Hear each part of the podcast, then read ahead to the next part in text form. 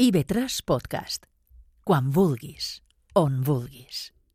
Aquest és el quart episodi de Campeón. Si no heu escoltat els tres primers, vos recomanem que ho fasseu abans de continuar. Els trobareu a qualsevol de les plataformes disponibles i a ib3.org barra campeón. Dos anys després de perdre el control del Festival Isla d'Encanta, que ell mateix havia creat, Antoni tornava a la càrrega. Aquest cop s'havia associat amb la periodista Núria Bat per organitzar el festival Indirama, que es va celebrar els dies 2 i 3 de desembre de 2005 a Palma, a l'esplanada de Son Rossinyol, i que va ser un autèntic desastre. El primer dia allò semblava un camp de refugiats arrasat pel vent i la pluja. El segon, Cristina Rosenbinge, va baixar-se de l'escenari durant la prova de so i no va tornar a aparèixer. I si bé la resta d'actuacions varen desenvolupar-se sense grans incidents, l'imatge en general entre l'escàs públic i el fred era bastant desoladora.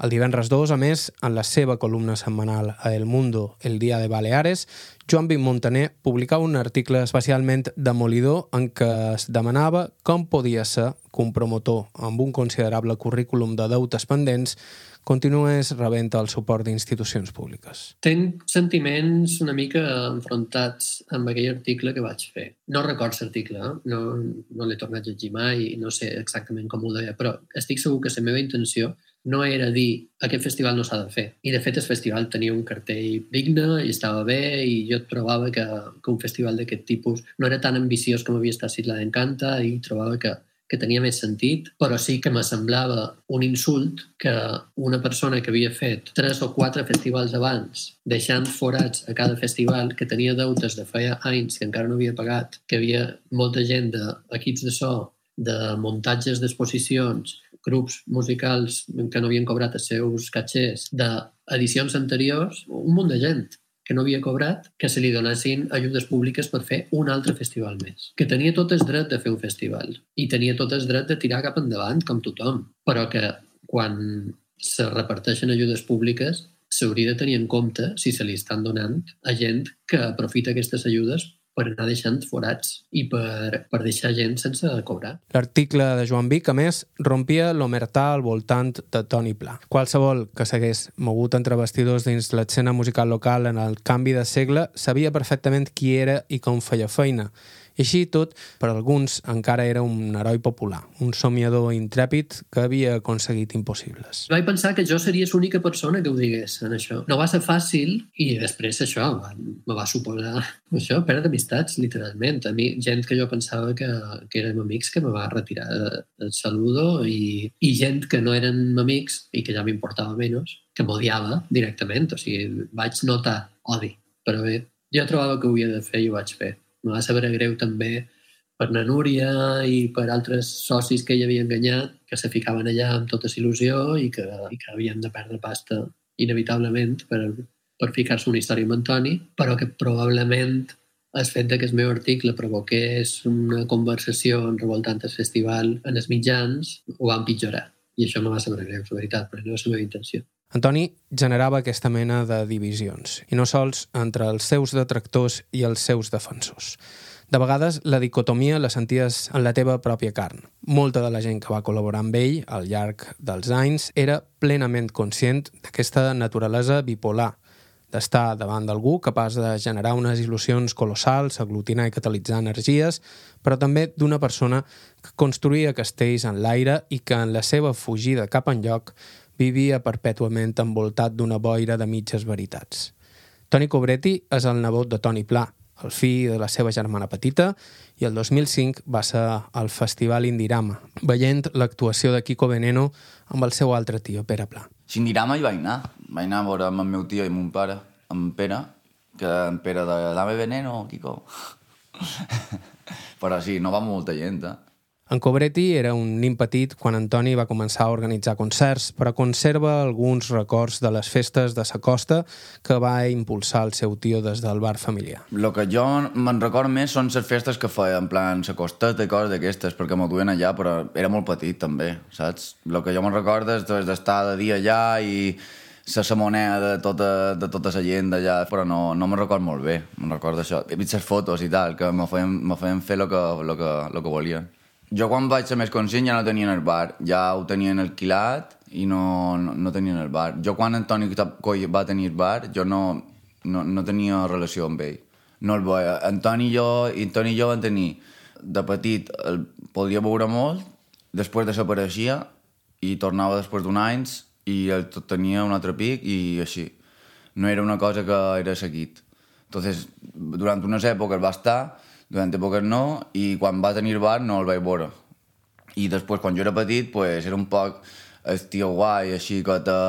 A lo millor no el veies mai, però te feia bons regalos, te feia bromes, uh, jo què sé, pues, sempre se feia qualque xuleria, qualque broma tonteria i tal, no? O te feia fer qualque capullada, però... O sigui, el record que el ten de petit és millor que el que ten de, de gran. Antoni Cobretti va heretar el talent musical de Pere Pla i de ben jove va començar a tocar la guitarra i fer cançons. Vaig començar amb 13 anys i m'anava fixant amb el meu tio, amb en Pere, anava allà i en Pere pues, mai m'ha pressionat i m'ha dit res, m'ha dit, mira, vol coll la guitarra, coll-la, això, és, això és una escala i tal, ja tu t'espaviles i tal.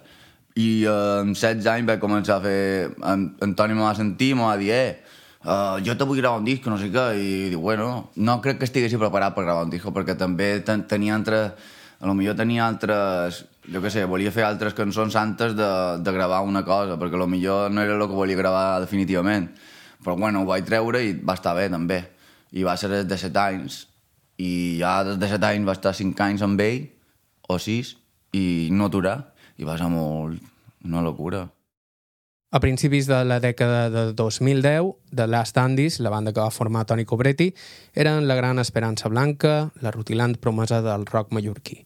I en part ho eren perquè Antoni Pla va saber crear el hype, a més, per contrarrestar la inexperiència dels tres membres originals del grup, Antoni va enrolar un vell conegut, Jordi Herrera de Satellites, per fer-se càrrec de la producció del seu disc i tocar la guitarra en directe. No, no tenien confiança, no sabíem molt bé... Eh, no havien gravat mai un disco, no, no assetjaven cada dia, saps? Era com a, va ser tot com a molt... que les cançons eren bones però que havia que fer molt de feina, no? I en Jordi pues, me'l va ensenyar molt. Jo que m'ha ensenyat més en Jordi que en, que en Toni. En Jordi, en Toni i nosaltres era un, un Cristo. A vegades era una cosa super guai i èpica i a vegades era una tormenta. No se podia... No se podia saber, però bueno, ha hagut sempre com un rotllo d'amor-odio que va funcionar durant un parell d'anys, però, no sé, va sortir guai el disco, el que passa és que després has de, respetar el que cadascú vol fer, i entonces en aquell, en aquell grup no se respetava el que, el que un volia fer. Si un volia sortir-se d'una cosa, o tenia una altra idea, Antoni te deia, no, això se fa així i tal, i això, pues, jo no me va, ni a Jordi ni a... saps? I després de no saber, lo millor, què està passant aquí, qui t'ha dit això, quan tot ves aquí, quan, saps? Arriba, arriba mogollon de pasta i tal, molt bé, però després dius, què està passant? Quan t'ha dit? Quan de tot ves I ja no saps tot això, i t'enteres de coses, doncs dius, joder, aquí ja se va... Eh, no sobre, se va, va dinamitar tot.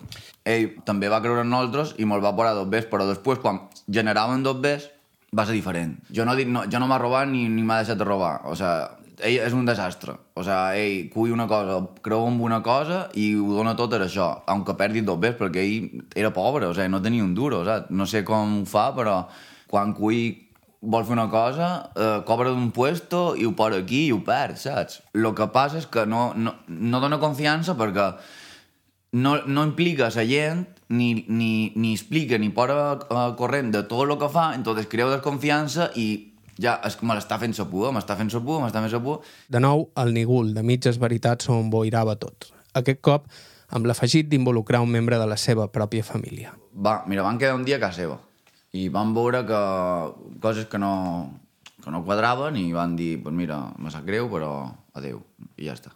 Però també és clar, tens un grup i després l'altre i al final ja me vaig...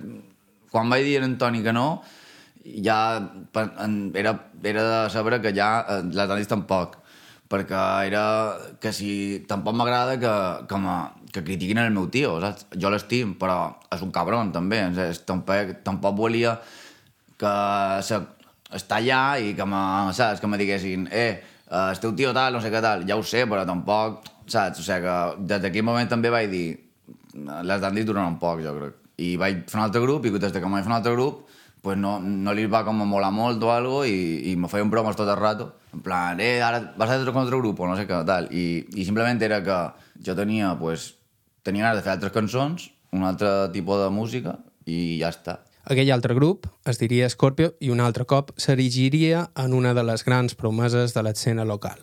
Un dels fitxatges estrella de la nova agència que acabava de crear Albert Petit, Pink Tiramisu, l'agència a la que es va apropar Toni Pla en la seva darrera reaparició, després d'uns anys fora de circulació.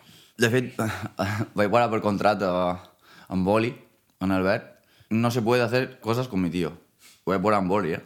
Però, malgrat les advertències del seu propi nebot i altres persones, de la mà d'Antoni, Pink Tiramisu anunciaria l'obertura d'una nova sala de concerts a Gomila i una gira internacional del seu grup estrella de Wills, la premsa local, com havia passat durant dècades, no va posar en dubte res de tot allò. Ni tan sols va tornar a parlar del tema un cop aquell nou castell d'arena s'havia vengut avall.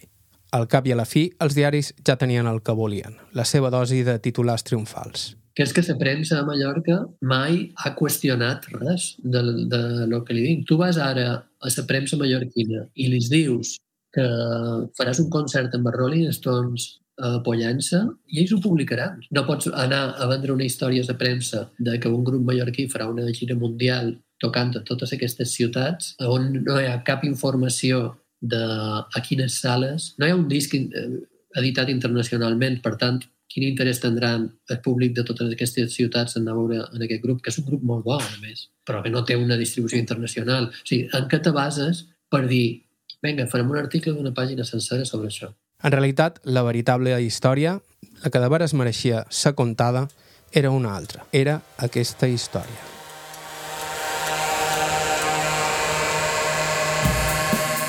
Us parla Joan Cabot. Estau escoltant Campeón, la història de Toni Llinàs Pla, un thriller pop.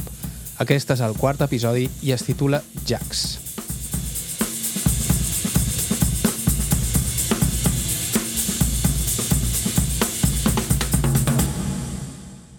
Ramon Caimari havia estudiat Belles Arts a Barcelona. No tenia res a veure amb el món ni de la música ni de la nit, però quasi per casualitat es va trobar un dia al front de Cultura Club un local que agafaria el testimoni de clubs anteriors com Sonotone o Casino Royal i que es va inaugurar el setembre de 2005. És a dir, el Cultura Club no se va plantejar mai com si fos un bar.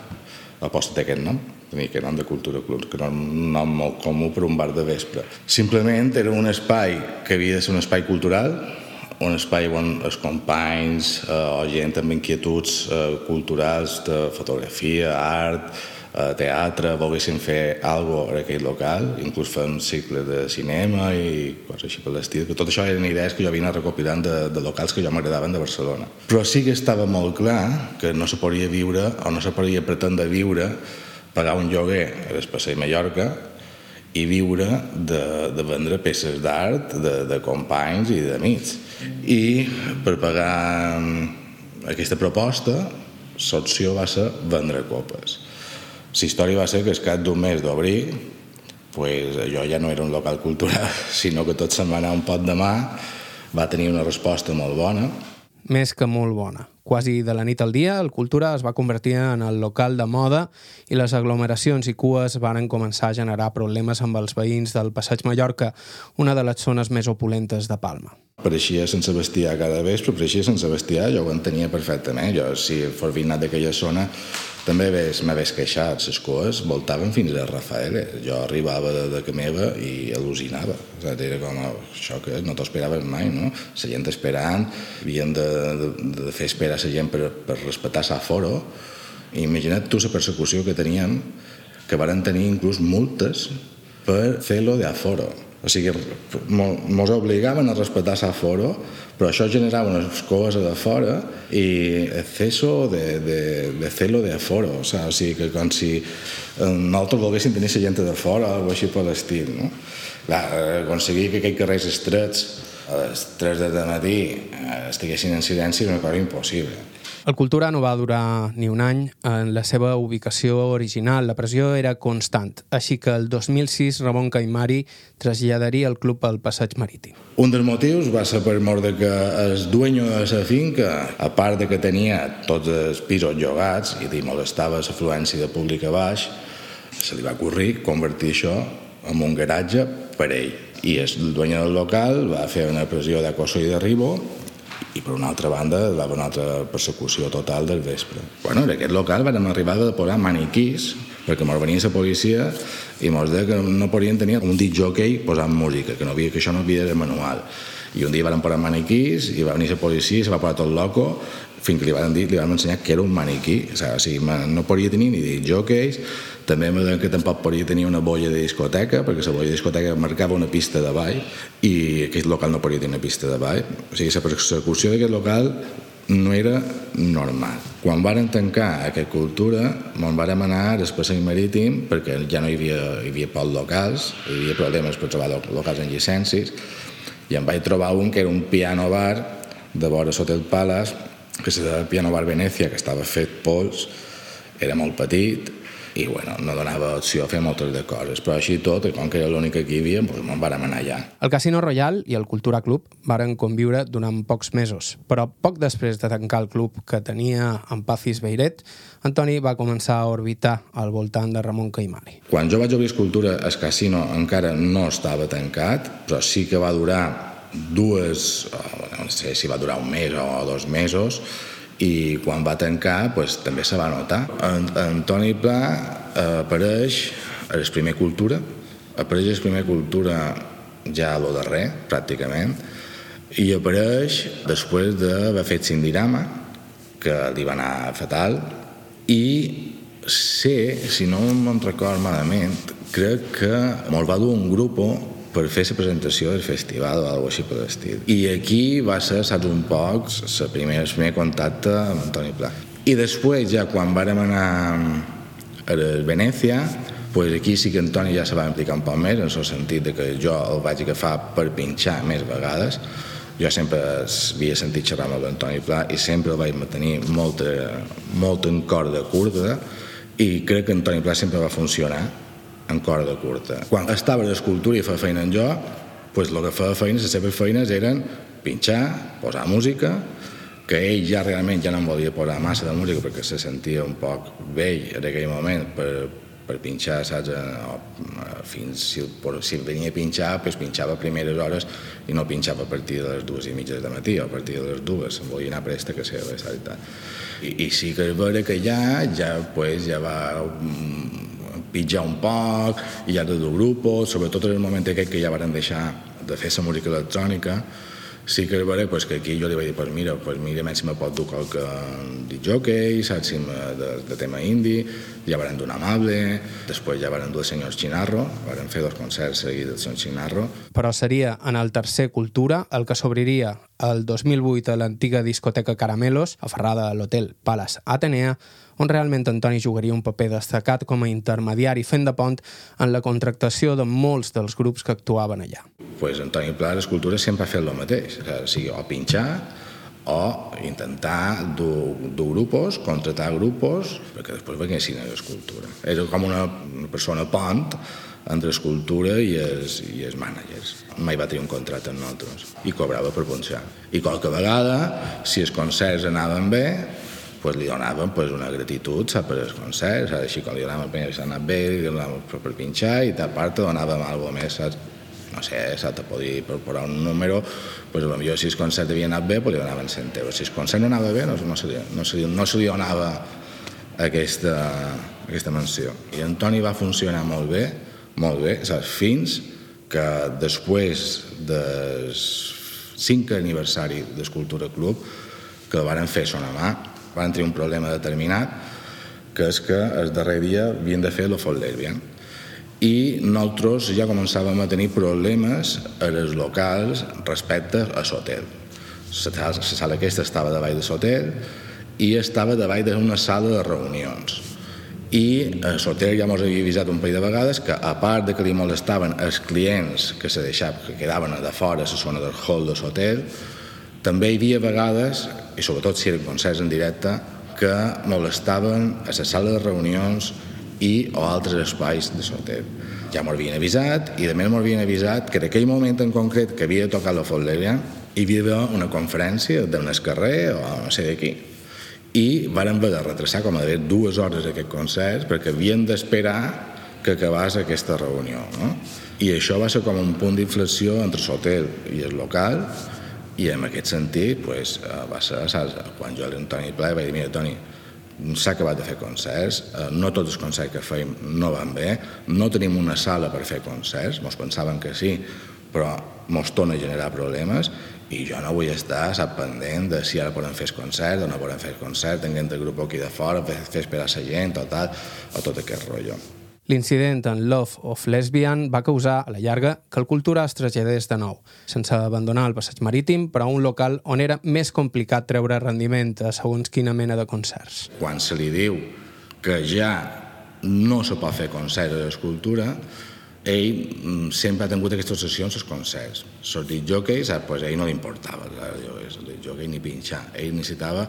I, i a part s'ha de tenir en compte una cosa, quan se li diu que eh, no vull més concerts, això també afecta a nivell econòmic. Entens? Si antes se n'adua per 100 o 150 euros per cada concert, a saber, t'estic xerrant d'una xifra que ni siquiera sé si era o no era aquesta, saps? També s'ajunta que ell ja se troba que ja ell ja no vol pinxar, evidentment, ell necessitava algo per subsistir. I amb aquest algo per subsistir, pues, se va inventar pues, altres coses paral·leles. En el moment que Antoni Pla va deixar de fer feina per escultura, saps? va ser quan se li va anar la pilota.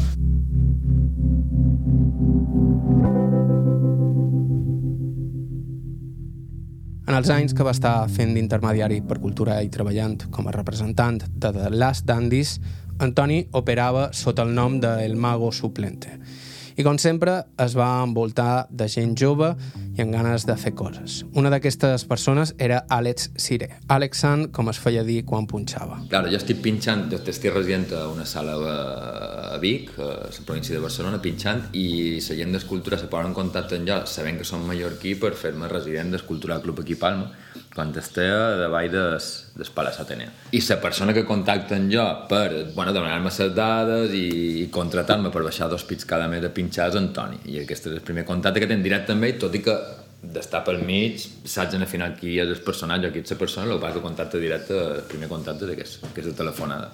Feia una sessió cada 15 dies, llavors, eh, clar, amb ell teníem bastant de contacte perquè molt bé cada vegada que jo venia, a Palma perquè en aquell temps ell sí que estava a la sala i se movia per mig i és quan ell munta la promotora el, si no vaig equivocat va muntar la promotora el Mago Suplent de Meno Manco per aquella època i comença a fer coses amb ell de bolos quan jo estava a Barcelona li feia d'enllaç ell enviava bandes igual a tocar en el RAF i jo estava en les bandes duia alguna banda d'Anglaterra la que feia management i com hem de fer feina un poquet amb això, com a d'enllaç a Barcelona, perquè jo estic allà en les bandes que hi, que hi va moguent i no fem feina per Mago Suplente, sinó tirant-li un cable amb això. Ell el que feia era la contratació de, de, de, dels, dels grups, no? perquè ell al final de tot el temps que ha estat per mig coneixia tots els mànagers, a totes les promotores, i ell el que feia era la contratació i a canvi Escultura Club li tenia un pis pagat a, en el carrer Manacor i o sigui, ell vivia allà a, a compte d'Escultura Club. És que aquell pis crec que era d'un dels abogats que formava part de l'empresa Cultura Club i li cedien aquell, aquell pis i ell vivia allà.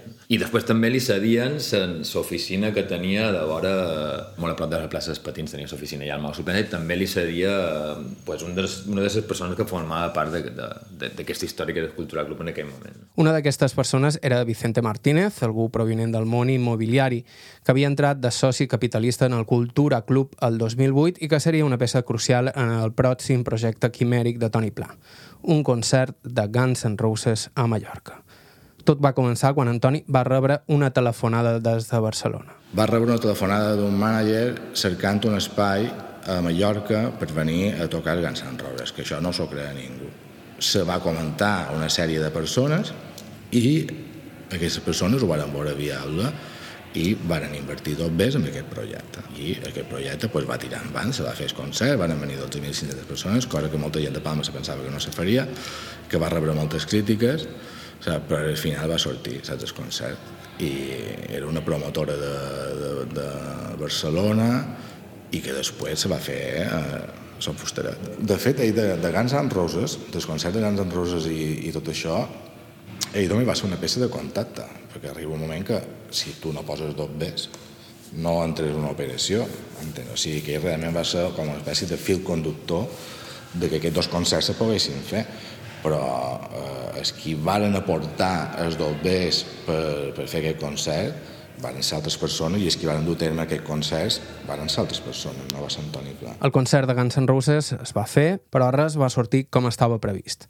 De fet, de tota la gent implicada en l'organització del festival, irònicament, Antoni va ser l'únic que degué guanyar alguna cosa. La seva comissió com a intermediari en la contractació. I jo he vist les transferències, jo vaig veure, jo vaig veure tot això, i va cobrar pues no ho sé, igual eren entre 10 i 20.000 euros possiblement. El que passa és que tot aquest doble no se'n va quedar ni un, ho va destinar tot perquè li feia gana fer puta festival aquest, i sempre he tingut la sensació de que sempre hem intentat muntar coses d'aquestes perquè devia favors de mogudes anteriors. I per igual, a bandes que li devia dos bes per no haver-li pagat un bolo, les duia un altre bolo. I era com una espècie de roda sense acabar. Perquè no tenia ni cap ni peu muntar aquell festi. Aquell festi era deficitari, saber des del primer, des del dia 1. Però tenia la sensació aquesta de que igual té un deute en la gent de igual té un deute amb aquest mànager. I, clar, organitzava tota una moguda per tapar un poquet, per tapar un poquet de forat i generar-ne un altre pic. Tot el que entrava per una banda pot sortir per una altra. El Festival 2 més 2, de nou, partia d'una idea, com a mínim, qüestionable, organitzar un festival repartit en dos caps de setmana amb un cartell, a més, amb poca estirada. No hi havia criteri artístic. Primer, com que no hi havia dos bes, i perquè no... O sigui, l'espai era el que era, el final muntar un festival a un puesto petit, eh, en l'hivern, en, en dos caps de setmana separats, o sigui, tot eren males idees. Però volia fer sí o sí, saps? Vull dir, no hi havia, no hi havia volta de fulla, no? Perquè sempre que la cagava per lo mateix, per voler fer massa, no li bastava fer un grup, havia de fer 5 o 6 o 7 o tot aquest rotllo. I, claro, eh, això després li, no li va anar bé i tal, i tot aquest rotllo, i me'l va generar problemes a nosaltres, perquè després, no sé massa bé com ho fa, saps? pues sempre el deixava lo millor l'etiqueta d'escultura a qualque puesto i sí que d'aquí pues sí que vaig rebre pues, dues o tres telefonades de diferents empreses reclamant dos bés a l'escultura quan l'escultura no era l'organitzador d'això. Després eh, sí que hi va haver, per exemple, de, de Guns N' Roses i Lenny Kravitz. El de Lenny Kravitz era un concert de València que estava lligat al de Guns N' Roses a Palma. Bueno, Guns N' Roses era d'una societat que jo no, estic, no vaig estar mai en aquesta societat, que hi havia tres socis i cada d'aquests tres socis són jo però me vaig veure afectat per, perquè després hi va haver problemes de pagament i tot aquest rotllo Normalment hagués estat culpa de la gent que ho promovia aquí, però hi va haver una sèrie de factors que ho van complicar tot. Perquè al principi s'havia de fer Som Moix, per problemes amb l'Ajuntament de Palma, al final, quan ja hi havia el bolo i les dates i tot, li varen canviar, això és verídic perquè jo he vist mail, vull dir, estava allà de dins, li varen canviar, van haver de fer Som Fuster, clar, la inversió per gestionar un bolo son fuster, que has de crear els accessos, has de crear has de fer totes aquestes mogudes, aquí va ser on se li va anar de mare i no podien suspendre el bolo perquè aquesta ja havia cobrat ja la meitat, bueno, sí, i aquí ja se sabia que el bolo era un forat assegurat perquè no, o sigui, no se podia ficar la quantitat de gent necessària per amortitzar el bolo són fuster impossible. Un bolo d'aquesta magnitud, no me'n recordo exactament de les xifres, però estem xerrant de 200, 250.000 euros, una, una cosa així. No me'n recordo exactament, però se movia per aquí perquè hi havia pagos d'aquest dobles en aquesta empresa que ho gestionava, aquest manager de Barcelona. En aquell temps inclús vaig poder anar a pinxar a festivals perquè ell duia bandes en el 2002 que organitzaven festivals por ahí, vull dir, ell tenia tota una xarxa muntada, però no sé quant de temps més vaig estar amb ell, no sé un any més, eh? vull dir, va acabar el festi i poco más, vull dir, no... El que era el mago suplent en aquell moment va morir. No, no vaig cobrar res mai. No, arri no arribava mai, no? O sigui, és com... Ell era un geni en, amb aquesta art de retrasar les coses, no? Era un geni. Sigui, te la ficava doblegada i li ficava doblegada tot Cristo, a, a promotores, a bolos, a managers, li, i, i no només un pic, un darrere un altre. O sigui, era, si algo tenia de màgic aquest tio era que era capaç de convèncer qualsevol persona de qualsevol cosa. I tothom sempre estava esperant darrere. I no arribava mai res, saps? Però sempre aconseguia que la penya estava esperant i se'l cregués.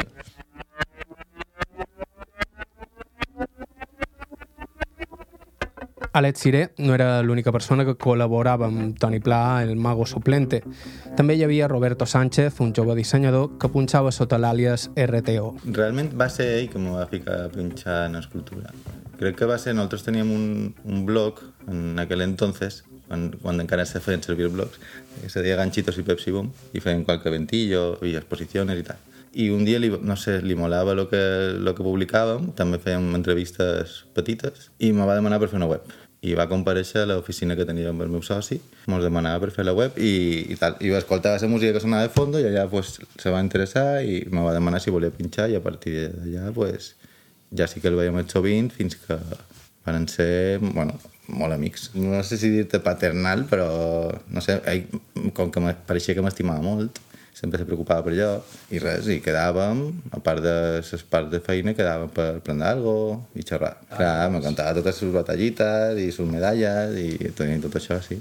Tot el seu background fictici o no fictici, però sí, me va ficar un poc en el mundillo que és i sobretot també m'agrada molt el tema de, de producció, de, de programar concerts i tal, i sí, tot això m'agradava, claro, un mundo nuevo. Lo primer que vaig fer amb ell i en Àlex, con el mago suplente, va ser el 2 más 2. Roberto Sánchez també va participar amb Antoni en la producció del concert de Guns N' Roses. Lo que record és anar a l'oficina normal amb en Àlex, qualque així de matí, arribar i Antoni tenia aquesta bomba, no?, de Guns N' Roses. I estava supermotivat, que ho tenia ja fermat, que se podia fer, i, i van començar pues, a el mos. I si va treure-hi dos bes, no ho sé. No ho sé. Jo no. O sea, jo no, jo, jo no vaig veure ni un duro i vaig currar tres dies seguits sense dormir, però bueno. Ahir no, no, és que crec que no hi era ni, ni en el concert. No el record, no el record. I després del concert, per gestionar tot el que havia quedat per allà, no, no donava senyals. I van quedar després d'un parell de setmanes i me'l van veure i, bueno, com si no hubiera passat nada. I així va quedar. Però alguna cosa va passar en aquell concert. Després d'allò, en Toni va esvair-se. Això no era del tot estrany, ja ho havia fet altres vegades, però aquest cop la seva desaparició va ser més sobtada i estranya. També va coincidir amb un nou ictus del seu germà Pere, que va passar una llarga temporada ingressat a l'hospital. El cas és que Antoni es va convertir en un fantasma. Es va tancar a casa de la seva mare i durant anys pocs varen saber res d'ell. Potser l'únic que va mantenir-hi el contacte va ser precisament en Roberto. Ell no sortia de casa seva i me telefonava i gancho, ves a buscar comida a casa de mi madre y, si me la puedes traer, no sé què. I jo li duia a la casa seva, li demanava si necessitava res, però no volia fer res. Supos que se, el castillo de Naiper va caure una altra vegada i, i ja li costava sortir. Però bueno, ja te dic, jo el, el que m'anava, si m'anava, jo el veia molt malament i, bueno, dur-li menjar o deixar-li un parell de bes, però bueno, pues li deixava perquè estava, no estava molt bé. I ja va ser un moment que de repente va, va, va desaparèixer i, i no se supo més. Van passar, passen 40 anys, sí.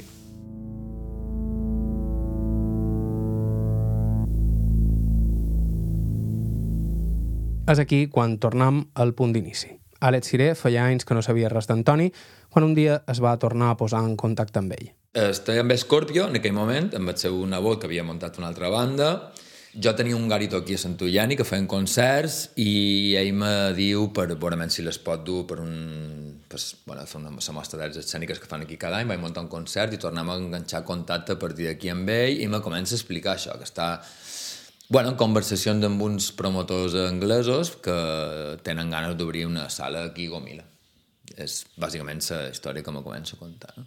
I que necessitaran pues, eh, tenir un DJ que és resident i que havia xerrat amb Amable i que volia que Amable ja fóssim resident d'allà, bueno, i comença a crear un poquet eh, es contesta per aconseguir que la gent comenci a estar un poquet de vora. No? Primer va anar cercant Àlex, després va anar trobant Roberto. Estava punxant d'un event d'aquest de Mecaleir, aquest que se feia en el Baluart, i va aparèixer sabia que estava per allà i va venir.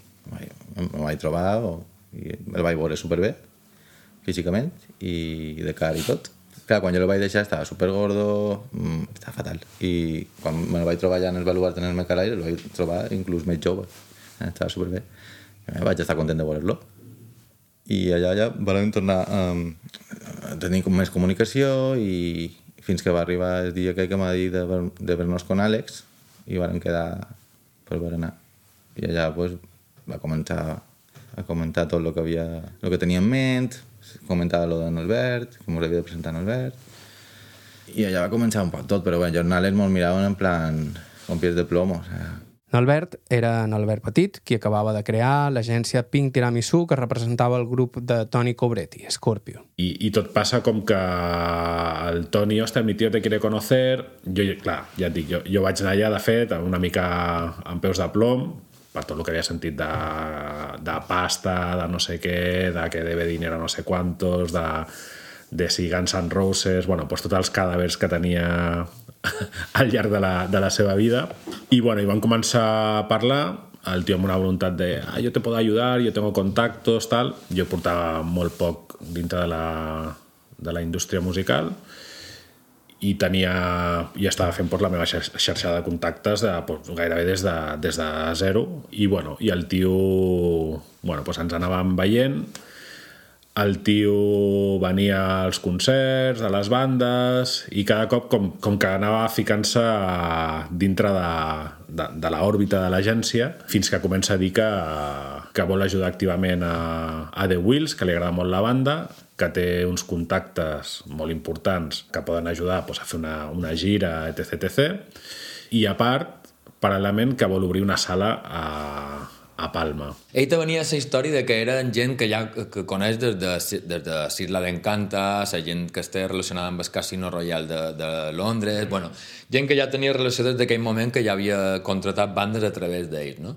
I que tenien això, ganes d'invertir i muntar un local a Gomila, un club, la idea del club era perquè un poc el que era en, en, en el seu temps el Mallorca Rocks, no? que duia bolos d'anglesos a tocar una hora així i cada setmana tu duia dos o tres bolos de, de 45 minuts i ell t'explicava que aquesta gent que eren managers de moltes bandes volien que les seves bandes eh, en promos de disco venguessin a tocar per això una hora, no? Courtney Barnett, jo que sé, Libertines, te venia la moguda de qualsevol banda inclús va acabar generant un, un warm-up de, de bolos amb dates i tot, eh, que havien de venir antes de desaparèixer. No només això, sinó que també hi havia un web i perfils a xarxes socials anunciant la pròxima obertura. De fet, alguns d'ells encara continuen online. La web la va fer en Gancho, el mateix jove que, que feia feina el Mago Suplente, eh, Instagram també, vull dir, tot això ho vam autogestionar nosaltres, saps? Eren nosaltres que ho creaven. I Sí, m'ho han dit els anglesos que poden muntar una web aquí a nivell així nacional, no sé, que, que sí, podem eh, crear Instagram, que sigui de la part d'aquí, sempre ja li va bé que nosaltres li gestionem això. Vale, molt, pues, molt bé, i necessitarem dir jo que residents i tal, vale, molt bé, ok. I a partir d'aquí comença, pues, hòstia, que no, podries ajudar a fer tal, a dissenyar això, no sé... Bueno, i comença a liar-te en les seves mogudes de sempre, enganxo a fer-li les webs, i jo ajudar-lo també per això, de mirar dates, a veure com ho gestionaríem, no sé. Albert, en Roberto i n'Àlex no s'acabaven de creure tota aquella història i varen arribar a fer una excursió fins on es suposava que s'havia d'obrir Kodak Club. Me recordo que era ja per Joan Miró i una, unes obres, però no, no, no vam anar amb ell. Crec que vam anar, a, no, no, bueno, no sé si vam anar amb ell o no, però sí que a, a el gancho i jo sí que vam anar allà en plan de a veure si, si esto es, es verdad i sí que estava jo pues, un edifici que, està, que estava en obres i que l'estaven arreglant. Llavors era com bueno, esto quadra i pues, tu estàs allà i dius bueno, serà veritat que ha trobat qualcú que no el coneix i, i, i l'ha escoltat però bueno, nosaltres anàvem veient què, què passava i realment pues, pues, com que tot anava evolucionant i s'estava muntant pues, nosaltres pues, seguíem Sí, perquè era un puesto que hi havia unes hores, però no estava molt gran i si era exactament el puesto que havia a la sala... Cantava que ja no hi havia cap sala, no hi havia obres, però bueno, és que hi ha, hi ha moltes ganes de, de creure's. No? I a més de ganes de creure, Antoni també sabia administrar aquí i allà petites dosis de veritat. Cada tant succeïa alguna cosa que donava certa versemblança a les seves promeses. De fet, me'n recordo una, una vegada que vaig quedar amb el Toni, en plan de... Tio, el tema de la gira, les dates, i ell va entrar com en una mena de sistema informàtic, com una, un back office d'una companyia, en el qual el tio anava traient com uns codis amb, amb dates i tal. O sigui, és que era, ja et dic, vull dir, jo no diré que si a, a mi no me poden tomar el pelo, vull dir, a tothom ens el poden prendre, però és que era com tot tan, saps, com un sistema, un back office tipus SAP, saps, on anava traient uns codis amb unes ciutats, vull dir, era com hòstia. Jo recordo això, que era tot un poc així, quan tu estaves arribant a un punt de mm, ja està bé una altra vegada, mm, no, no me la tornis més, Toni, ja està. Ella te treia algo que te feia baixar un poc el nivell aquest de- d'estar crispat i de, bueno, vale. I a més, hi havia en Jax, Jax Ferreri, el suposat contacte de Toni Pla a l'agència Coda. Aquest Jax Ferreri és aquesta persona que suposadament fa feina a Coda, Això és brutal, perquè jo no, però en Albert va xerrar amb ell. Saps? Vull dir, que a mi aquesta persona em va arribar a trucar per telèfon. Era un tio que parlava en, en, en un castellà perfecte i vaig parlar amb, aquesta, amb una persona que no era el Toni Pla, perquè la veu de més del Toni Pla, per molt que la vulgui camuflar, sabries que és la veu del Toni Pla perquè és inconfundible. Però aquesta, em va trucar una persona de hola, soy, eh, soy Jax, no te preocupes, tal, está todo ok, tal, todo, saps? Com, com una trucada com per tranquil·litzar-me. Que, o sigui, mai sabré qui és aquesta persona còmplice d'Antoni que va fer això, vull dir, perquè Antoni no, no era. Ja m'escrivia a WhatsApp eh, aquest tio de Coda, saps? I jo posava a prova en el mateix moment si podia xerrar amb Antoni i, en Anto i era impossible. O sigui, no podia mantenir... Perquè Antoni, a més, a xarxes socials no era un tio que l'ha dominat molt, saps?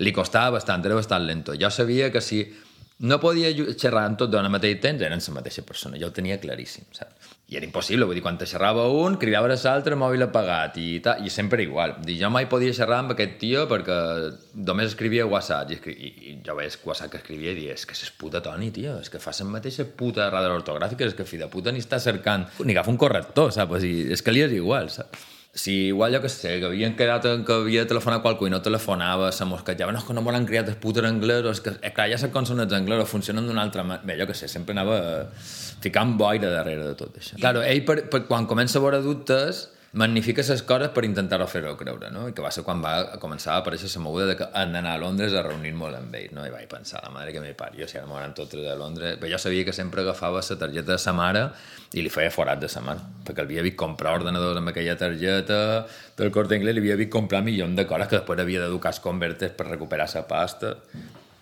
era el mateix modus operandi, o sigui, no canviava res, saps? O sigui, jo l'Antoni el conec de fa molt de temps. Jo ja no volia anar a Londres, ja li vaig dir, això és un pluf, saps? Però ahir vam dir, és igual, està pagant a mi, vale. Però, claro, eh, en Roberto m'ha dit, he anat a cercar els, els bitllets d'avió i les van a cercar en el Corte Inglés. I ja va ser quan li vaig dir, això no ho han pagat els anglesos. Si ha anat a cercar els bitllets en el Corte Inglés, ho ha pagat en targeta de sa mare i ni s'ha dignat d'agafar-los ell i t'ha enviat a tu a cercar-los allà. O sigui, li sues a polla tant tot que ja no té ni filtro. I en Albert m'ha dit, bueno, pues ja que està, pues m'ho anem a Londres un dia, però seguia tenint l'esperança de que hi hagués qualcú. Jo li vaig dir, bueno, si voleu m'ho anem, però m'ho anem a comprar vinils i a sortir, a fer dues copes i estar un parell de dies per Londres, perquè ja no, no me l'esperi ningú. I tenc el meu dubte que Antoni aparegui per allà també, saps? Vull dir, estarem a Londres, que ja està guai, m'ho anem a Londres, tres o quatre dies, de puta mare, hotel pagat, viatge pagat, cosa no, però allà no apareixerà ningú, seguríssim. I varen anar a Londres, se suposa que a reunir-se amb Jacques Ferreri i la gent de Coda. En el principi, pues, bueno, risas, no? Estàvem allà,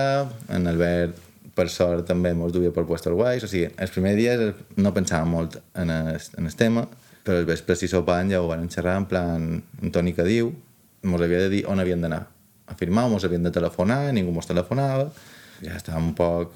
Jo ja realment estava un poc relaxat, en plan, ja me lo vuelo i punto. Però en Albert, evidentment, sí que tenia, estava perdent més coses. I ja estava més nerviós i, i telefonava a Antoni en plan que si no apareixia per allà Antoni i, i arreglava el que estava passant, o sigui, li, li deia la veritat, que se n'oblidés. I Antoni seguia, dient que no, que tengo paciencia, paciencia fins que va arribar un dia, crec que va ser el segon o el tercer, que va aparèixer per allà, per Londres. La història ja la coneixem. Quan tothom ja donava per fet que no ho faria, Antoni va aparèixer. Qui no ho va fer mai va ser Jacques Ferreri. De fet, Albert Petit es va posar en contacte amb el director de Coda. Segons ell, allà no hi feia feina ningú amb aquest nom. La sorpresa va ser que aparegués ell. Va aparèixer que amb, un, amb ferides, no sé d'on... Conya, qualcú, igual qualcú havia ferrat fort, però va aparèixer a Londres, en el centre de Londres, que no sé com conya va arribar allà.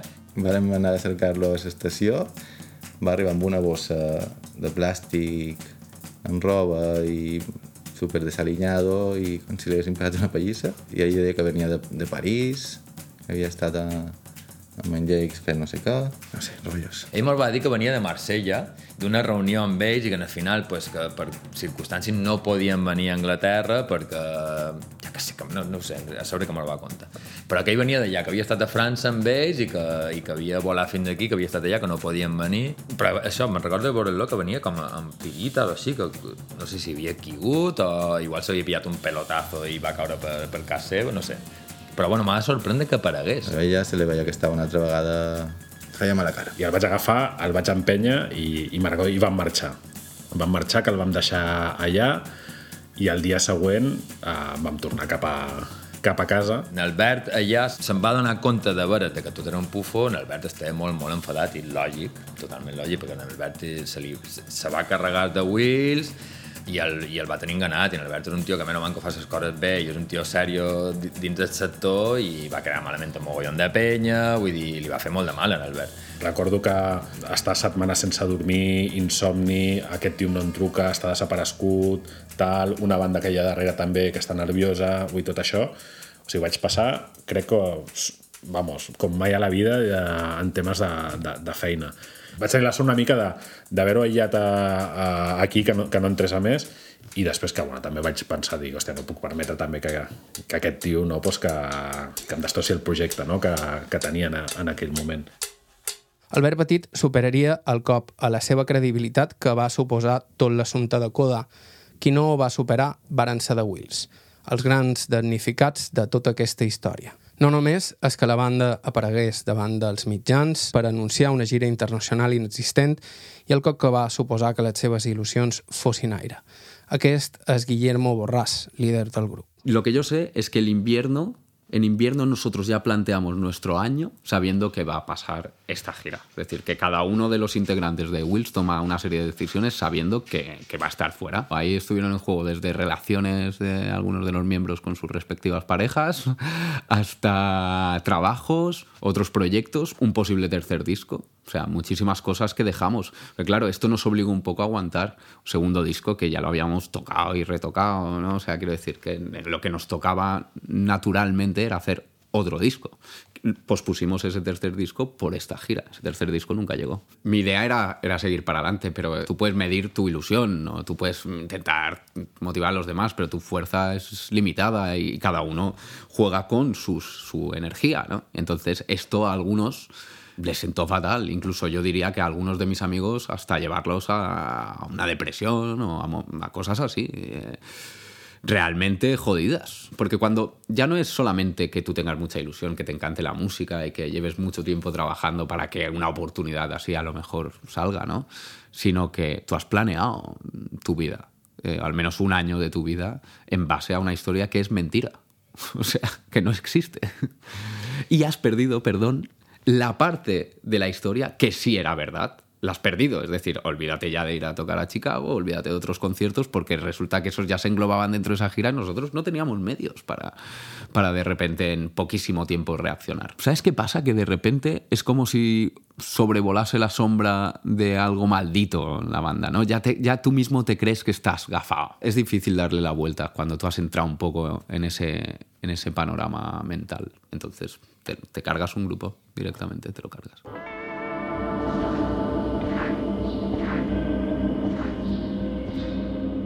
Després del que va succeir a Londres i de que tot el de Coda es vengués avall, vendria un darrer episodi surrealista. I ell començar amb una història de que no se trobava bé, que tenia que estava començant a pillar prenat de que tenia qualque malaltia xunga o així. Fins que un dia me telefona i me diu que, que li han diagnosticat càncer. És que el primer que pensa és, joder, macho, tio, no s'inventarà no això també, saps? Bueno, és igual, vaig anar a veure el a seva i, i bé, està, que estic a casa i tal i, i tenia uns papers per damunt la taula i me diu, bé, te, te, te mostraré lo, de, lo que m'ha donat el metge tal. Però això que t'acosta un paper però no te l'acaba de mostrar i quan te les va mostrar te canvia de tema i el deixa. Bé li vaig dir, Toni, tio, amb això ja no lluís, saps, amb una puta malaltia. Li dic, jo si, si és possible, no me tornis a cridar, perquè tota la polla que han muntat per no res, tio, tota la penya que han enganat, el que li ha fet en Albert, o sigui, això no té nom. Ell seguia de, dient que els que havien enganat eren els anglesos, que no era culpa seva, ell no va admetre mai que s'ho havia inventat tot, mai. I després ja va ser, pues, igual uns 7 o 8 dies o 10 que va desaparèixer després de tot això. Que en Albert m'ha dit, tio, aquest pavo ja no, no és per aquí, aquest tio ha desaparegut, ningú sap on és. Dies després de la seva desaparició, va morir na Montse, la mare de Toni Pla. Després vendria la pandèmia. Durant anys, cap dels protagonistes d'aquesta història va tornar a saber res d'Antoni, tot i que de tant en tant es sentien rumors sobre que l'havien vist a tal o tal lloc. Fins que un dia, Tommy Solvas, bateria dels Wills, se'l va trobar en el darrer lloc on esperaries trobar-lo. Tommy, que yo sepa, es la última persona que yo conozca que lo, que lo vio. Tommy, que está en un recorrido espiritual en el camino de Santiago, ya está volviendo después de no sé cuántos días eh, por ahí, se lo encuentra a punto de volver, se lo encuentra eh, bastante desorientado, no, no lo reconoce, es decir, Tony Pla no reconoce a Tommy. Tony Pla incluso se le encara, ¿no? O sea, le llega a decir, "Mm, tú no sabes por qué lo que... Porque, claro, Tommy le cuestiona un par de cosas, ¿no? Entonces él le dice, tú no sabes por lo que pasaba, no sé qué, no sé cuántos. Y Tommy, que es un tío pacífico y bastante tranquilo, dice, ¿sabes qué? Pues no. Yo creo que Tommy pensó que la hostia se la de otra mano, ¿sabes? No será la mía, ¿sabes? Entonces eh, ahí se termina la historia, claro. Es- ese es el último episodio.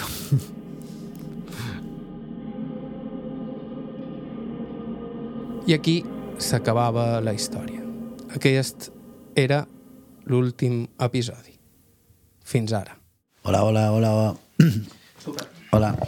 Salta recte, posa recte, i el primer que m'ho podries dir és el teu nom complet i quan vas néixer. Juan Antonio Llinas Pla, el 21 d'octubre del 1961.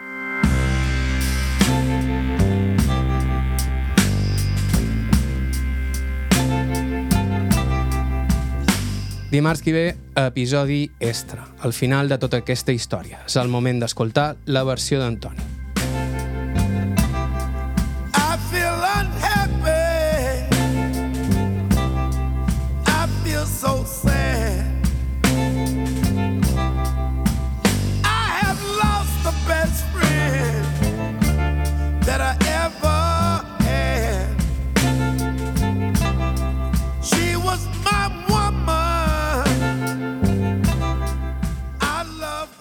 Campeón és un podcast de Joan Cabot per a IB3 Ràdio. La música que han fet servir és de Tai Segal, Empaf i Charles Bradley. Ens podeu seguir a qualsevol de les plataformes disponibles i escoltar a ib3.org barra campeón.